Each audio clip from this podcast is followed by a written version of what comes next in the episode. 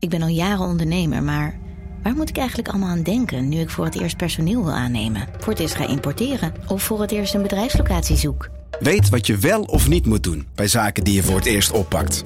Check kvk.nl voor praktische stappenplannen. KVK, hou vast voor ondernemers.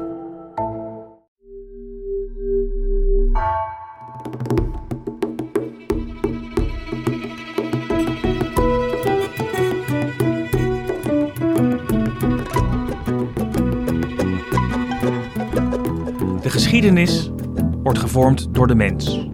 Heldendaden van mannen als Napoleon en Caesar. En wetenschappelijke ontdekkingen en uitvindingen van kerels als Newton en Oppenheimer. Dat denkt de mens graag. Want zo staan wij in het centrum van de geschiedenis.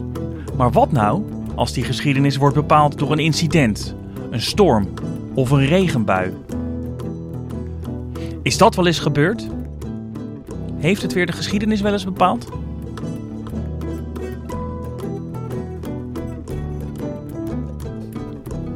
Welkom, wij zijn Onbehaarde Apen. Dit is een zomerserie over het weer.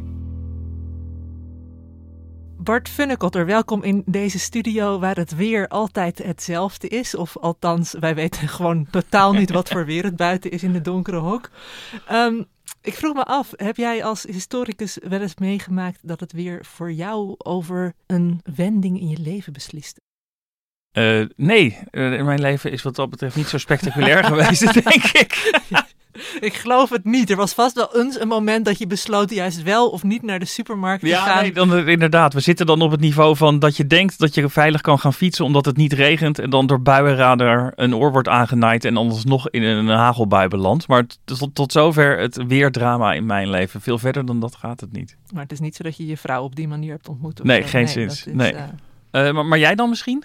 Nou, ik heb wel uh, vaak als ik dan op bergtochten was gemerkt van, oh, het weer kan nu heel erg mijn leven bepalen. Echt gewoon op, op leven en dood. Als er opeens vlakbij, terwijl ik in mijn tentje op een hoge bergtop aan het kamperen was, uh, als er dan opeens ergens de bliksem insloeg. Of één keer toen ik met mijn vader in dichte mist um, verdwaalde en we bijna in een ravijn belanden. Toen dacht ik, oh ja, het, weer kan in die zin wel echt, echt uh, uh, invloed hebben. En verder denk ik, ja, ik zal er in mijn liefdesleven ook wel eens gebruik van hebben gemaakt dat ik tegen een leuke jongen zei: Mag ik wat dichterbij komen staan? Want ik ben bang voor onweer. Of kun je me even thuis brengen? Want het regent zo hard. Dus, uh...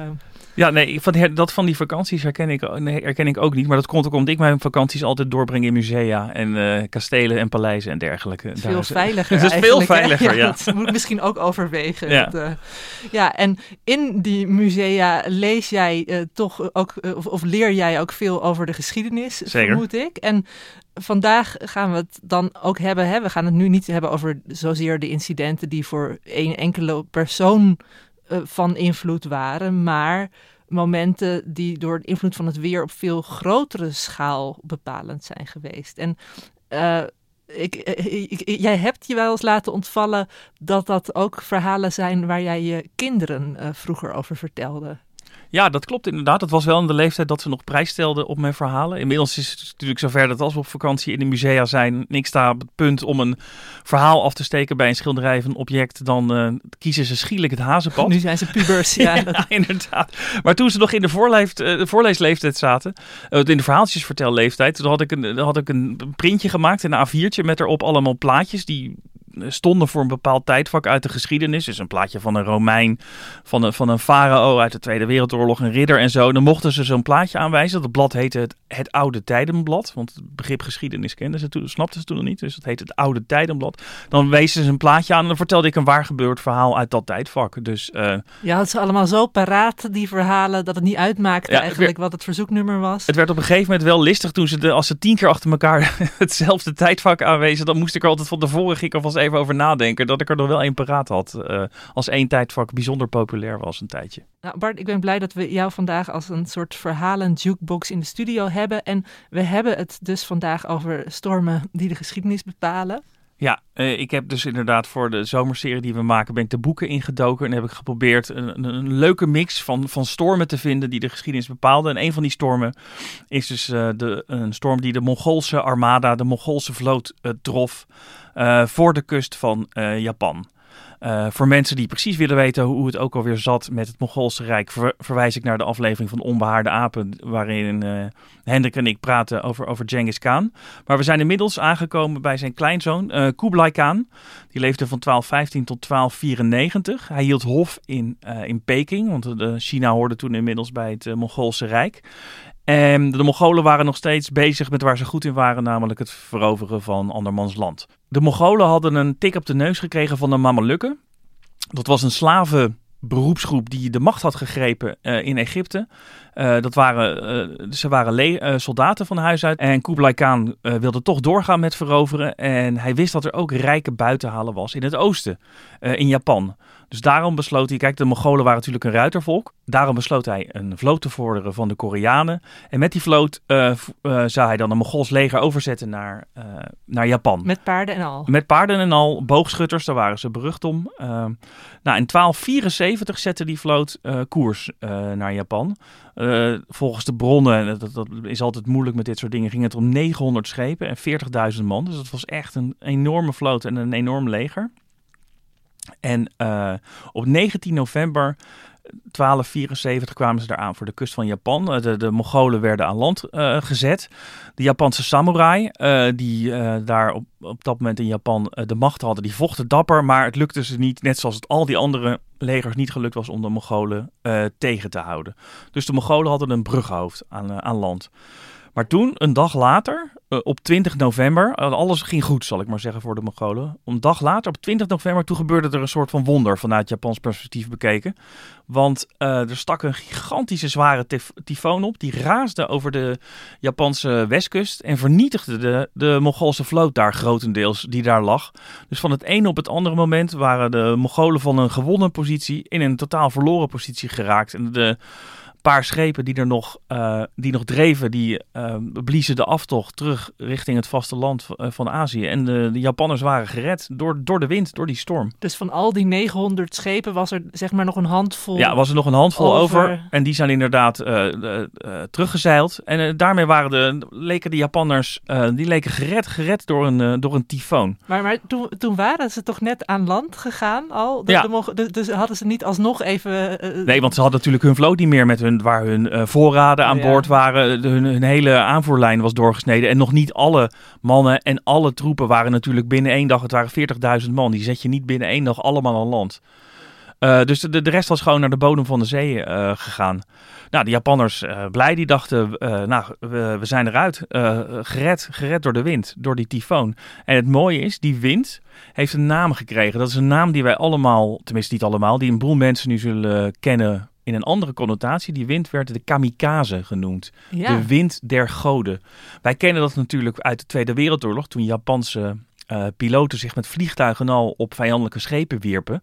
En dat werden de kamikazes genoemd. Maar die term vindt dus zijn oorsprong in dit wonder van 1274, toen de kamikaze, de wind der goden, de Mongoolse vloot naar de kelder jaagde, ja, joeg. Nou goed, uh, de, de, Japanners dachten we zijn er vanaf. Maar nee, uh, Kublai Khan was niet uh, voor een gat te vangen die rustte gewoon nog een vloot uit. Uh, want die wilde gewoon alsnog proberen om uh, Japan uh, te veroveren. Hij nam daar echt de tijd voor, want pas in 1281 voerde er een tweede vloot die kant op. Zeven jaar later. Ja, zeven jaar later. Nu ook in de winter, zodat de kans op een storm kleiner was.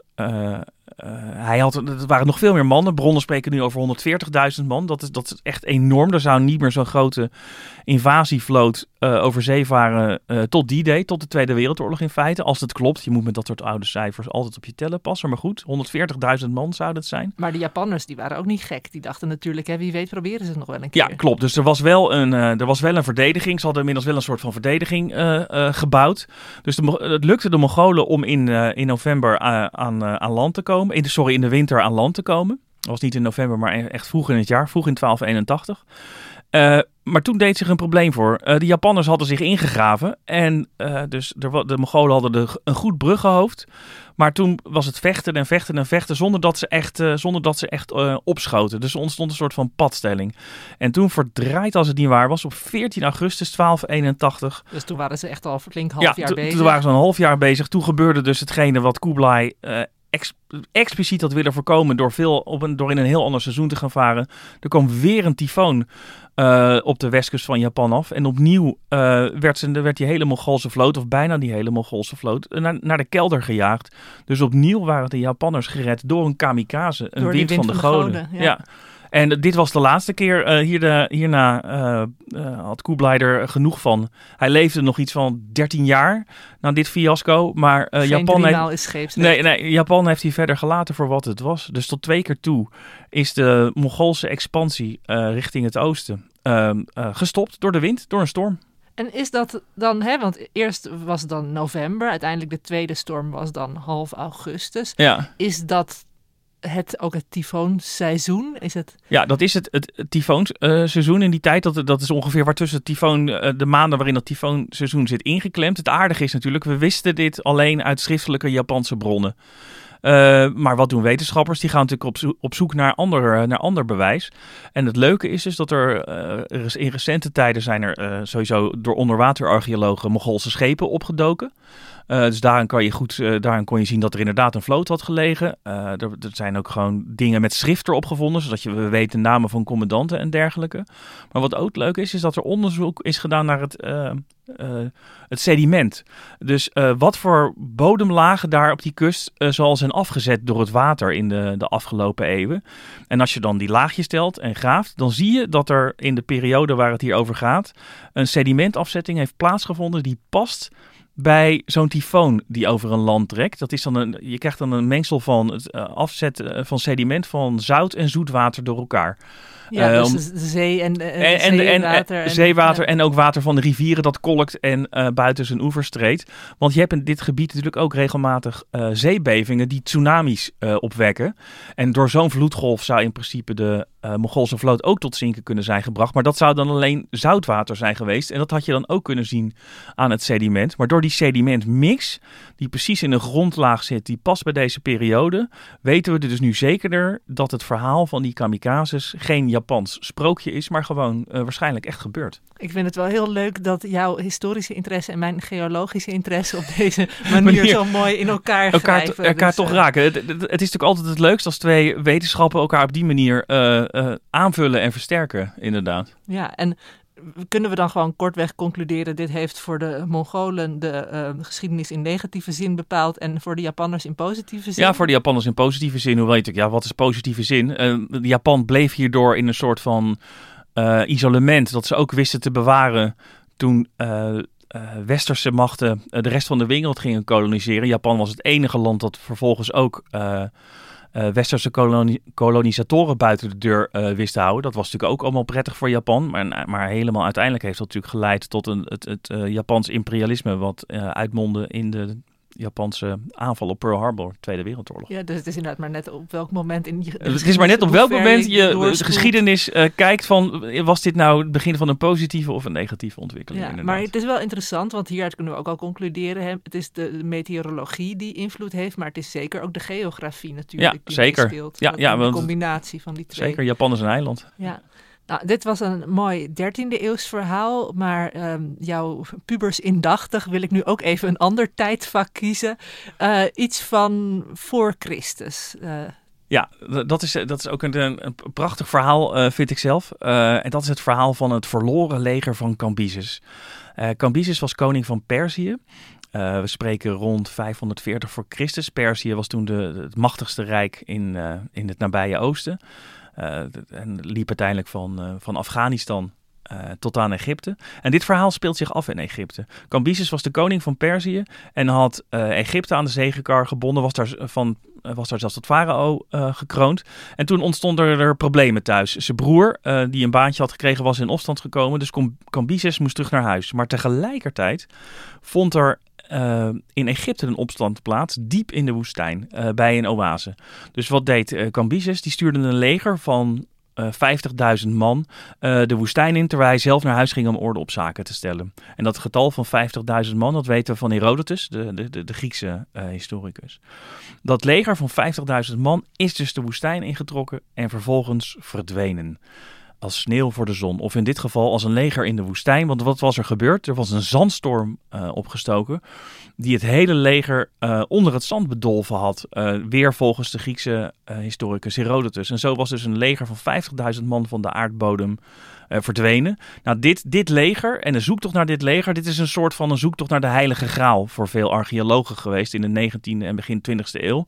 Net zoiets als uh, iedereen op een gegeven moment wel wilde weten waar Troje bijvoorbeeld lag, of waar inderdaad de heilige graal, graal met het bloed van Christus uh, verstopt zou zijn, waren er ook archeologen die dat leger van die 50.000 uh, man onder het zand vandaan wilden halen. Maar dat zie je niet zo. Ik bedoel, een graal is nog klein. Ja, en, en, een leger van 50.000 ja, man. Maar dan kun je ook zeggen, een leger van 50.000 man, dat zijn er in ieder geval flink wat. Maar de woestijn is ook heel groot. dus waar ga je in hemelsnaam zoeken? Nou, er zijn dus constant archeologen geweest die dus uh, hun, hun, spaden in het zand hebben gestoken. Uh, en, en dus niets hebben gevonden. Soms waren er archeologen die wel wat gevonden hadden. En dan zeiden, dit is het verloren leger van Cambyses. En dan waren er collega's die zeiden van nou, om deze en deze redenen denk ik niet dat je het verloren leger van Cambyses gevonden hebt. En het interessante is dus dat uh, het laatste woord in deze discussie is uh, voorlopig wat mij betreft dan gesproken door een Leidse hoogleraar uh, Egyptologie. Die heeft namelijk in de oase waarnaar dit leger op weg was, opgravingen gedaan. En daar kwam die tabletten tegen, stenen tabletten, met daarop geschreven de naam van een Egyptische farao die de scepter zou zwaaien over, over dit gedeelte van Egypte. Dit was dus een, iemand die in opstand was gekomen tegen Cambyses en een leger bij elkaar had geroepen. Want we weten ook uh, dat deze farao uiteindelijk Memphis, de Egyptische hoofdstad, op de uh, Persen heeft weten te heroveren. Wat is er dus waarschijnlijk gebeurd volgens deze Leidse hoogleraar? Dat leger van Cambyses is helemaal niet in een zandstorm verdwenen. Het is gewoon verslagen tijdens een veldslag tegen die opstandelingen. Dus lang hebben we aangenomen dat het weer hier de geschiedenis heeft bepaald. Maar de meest recente uh, wetenschappelijke inzichten lijken, lijken te wijzen op een uh, verloren veldslag. En een zandstorm klinkt gewoon cooler om aan, aan je een, een zandstorm te klinkt, vertellen. Ja. Het klinkt niet alleen cooler, het is ook zo dat de Perzen zich waarschijnlijk zo schaamden voor het feit dat ze dit, die veldslag van een opstandelingenleger verloren hadden, dat ze het smoesje van die zandstorm uh, verzonnen hebben en dat dat via via uiteindelijk in de geschiedenisboeken van Herodotus terecht is gekomen. Dus het aardige is nu dat we 2500 jaar dankzij Herodotus hebben gedacht dat het weer hier de geschiedenis heeft bepaald. Maar dat is door de vondst van een Nederlandse wetenschapper dat idee nu op losse schroeven is komen te staan. En misschien is er over tien jaar wordt er een andere vondst gedaan die het gelijk van Herodotus uh, weer bevestigt. Maar dat is interessant aan, uh, aan geschiedenis. Uh, altijd nieuwe inzichten. Ik zit even te denken, want we hebben zoveel mooie verhalen. Eentje om het af te leren. Misschien eentje iets dichter bij huis? Ja, zeer dicht bij huis. Want wij zitten hier in Amsterdam. En een ander verhaal wat ik heb op, uh, opgeduikeld, dat speelt zich af in 1650 voor de poorten van Amsterdam. 1650, dan zitten we twee jaar na de vrede van Münster, de 80-jarige oorlog is uh, afgelopen. En in Nederland is uh, stadhouder Willem II de baas. Tenminste, hij vindt van zichzelf dat hij de baas zou moeten zijn. Maar hij heeft te maken met de Staten van Holland, het machtigste gewest. En uh, de Staten van Holland hebben zoiets van, nou, die 80-jarige oorlog is voorbij. We willen ons leger uh, uh, helemaal afschaffen, of tenminste grotendeels. Want we willen daar geen geld meer aan, aan, uitgeven. We willen weer gewoon gaan handelen en geld verdienen. Maar stadhouder Willem II, die wil natuurlijk gewoon um, eer op het slagveld behalen. zoals mensen van zijn um, statuur dat gewoon waren. En die wil dus dat leger behouden. Dus er was in, in 1650 was er een machtsstrijd aan de gang tussen de stadhouder en de Staten van Holland. Op een gegeven moment besloot Willem II dus om maar een staatsgreep te plegen. Want dan op die manier heb je de macht. En dan beslis jij over wat er gebeurt. Uh, Amsterdam was op dat moment een, heel belangrijke stad binnen het, uh, het, gewest Holland. Een heel machtige stad en ook een machtige tegenstander. Dus wat deed Willem? Hij stuurde in het geniep een leger richting Amsterdam om uh, de stad over te nemen, om, de stad te bezetten. De enige die wist waarvoor ze naar Amsterdam op weg waren, dat was de bevelhebber, een, uh, een neef van hem. De soldaten en officieren, ze wisten het allemaal niet. Op een gegeven moment waren ze tussen Hilversum en Amsterdam, liepen ze, liep dit leger op de hei toen ze overvallen werden door een enorme regenbui, een enorme regenstorm. Uh, iedereen raakte de weg kwijt. De verschillende onderdelen raakten uh, uit elkaar. Dus uh, men, men, liep rondjes over de hei terwijl de regen hen om de oren gierde. Geen plek om te schuilen. Geen plek om te schuilen. En ze, ze waren dus gewoon de weg kwijt. Ehm, wat gebeurde er nou? Op dat moment kwam er de postbode langs die vanuit Hamburg uh, op weg was naar Amsterdam uh, met de post. deze postbode die zag dat leger daar rondwalen. En omdat niemand van die soldaten wisten dat ze op weg waren naar Amsterdam om die stad aan te vallen, werd die man ook niet tegengehouden. Dus die gaf zijn paard de sporen en kwam aan voor de poorten van Amsterdam, werd naar binnen gelaten, waarschuwde uh, burgemeester Bikker.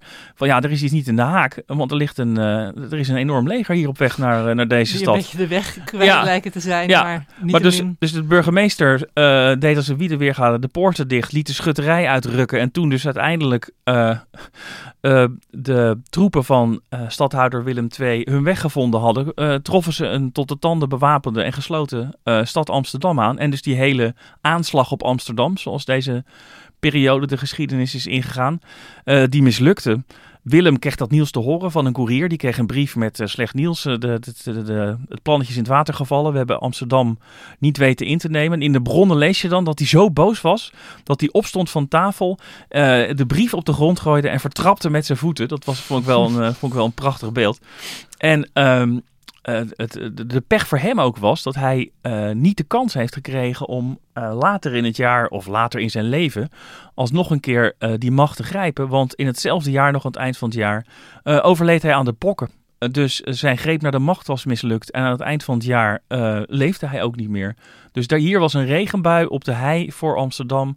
Heeft ervoor gezorgd dat uh, de Oranjes in 1650 uh, niet de macht konden grijpen in de Republiek. En hij is alsnog wel de geschiedenisboeken ingegaan. Ja, maar als, als de man van de, de mis, van, van, van de mislukte staatsgreep, inderdaad. En dat was, niet, dat was niet de bedoeling, dat hij zo de geschiedenis zou ingaan door, zo, door zoiets knulligs. En het is wel interessant, want als die postbode nou iets meer van suiker was geweest en ja. Gedacht van nou, hallo, ik ga ik, met dit... Ik ga in de herberg zitten. Ja, ja dan, dan had het dat weer de geschiedenis ja, nee, dus het aardige is dus inderdaad, hè, je denkt vaak geschiedenis wordt bepaald door hele grote dingen, wat ik zei, grote mannen, maar ook uh, als, uh, hè, uh, sociologische veranderingen in de maatschappij, de opkomst van de burgerij of van de arbeidsklasse. Maar soms is het dus gewoon een regenbui en, en een postbode die besluit om door te rijden, door, ondanks dat het regent, omdat hij zijn, zijn pakketjes op tijd wil, wil afleveren.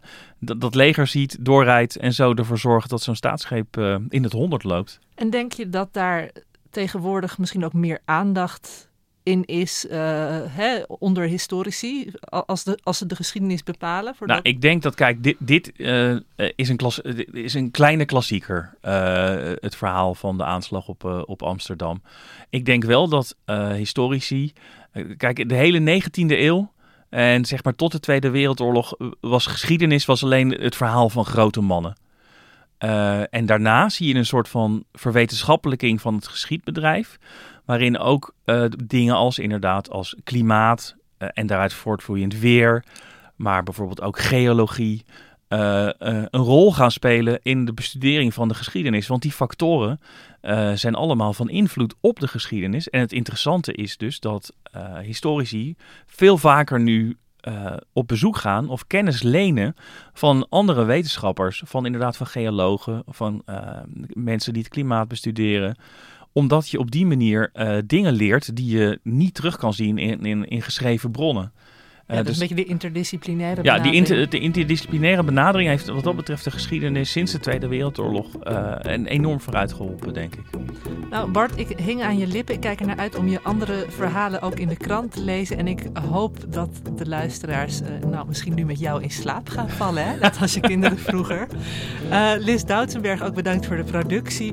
En zoals jullie hoorden was deze speciale zomertune niet van het Dudok kwartet, maar van Jeroen Jaspers en Bas van Win van Nozem Audio. Wij zijn er over twee weken weer met een nieuwe zomeraflevering. Tot dan!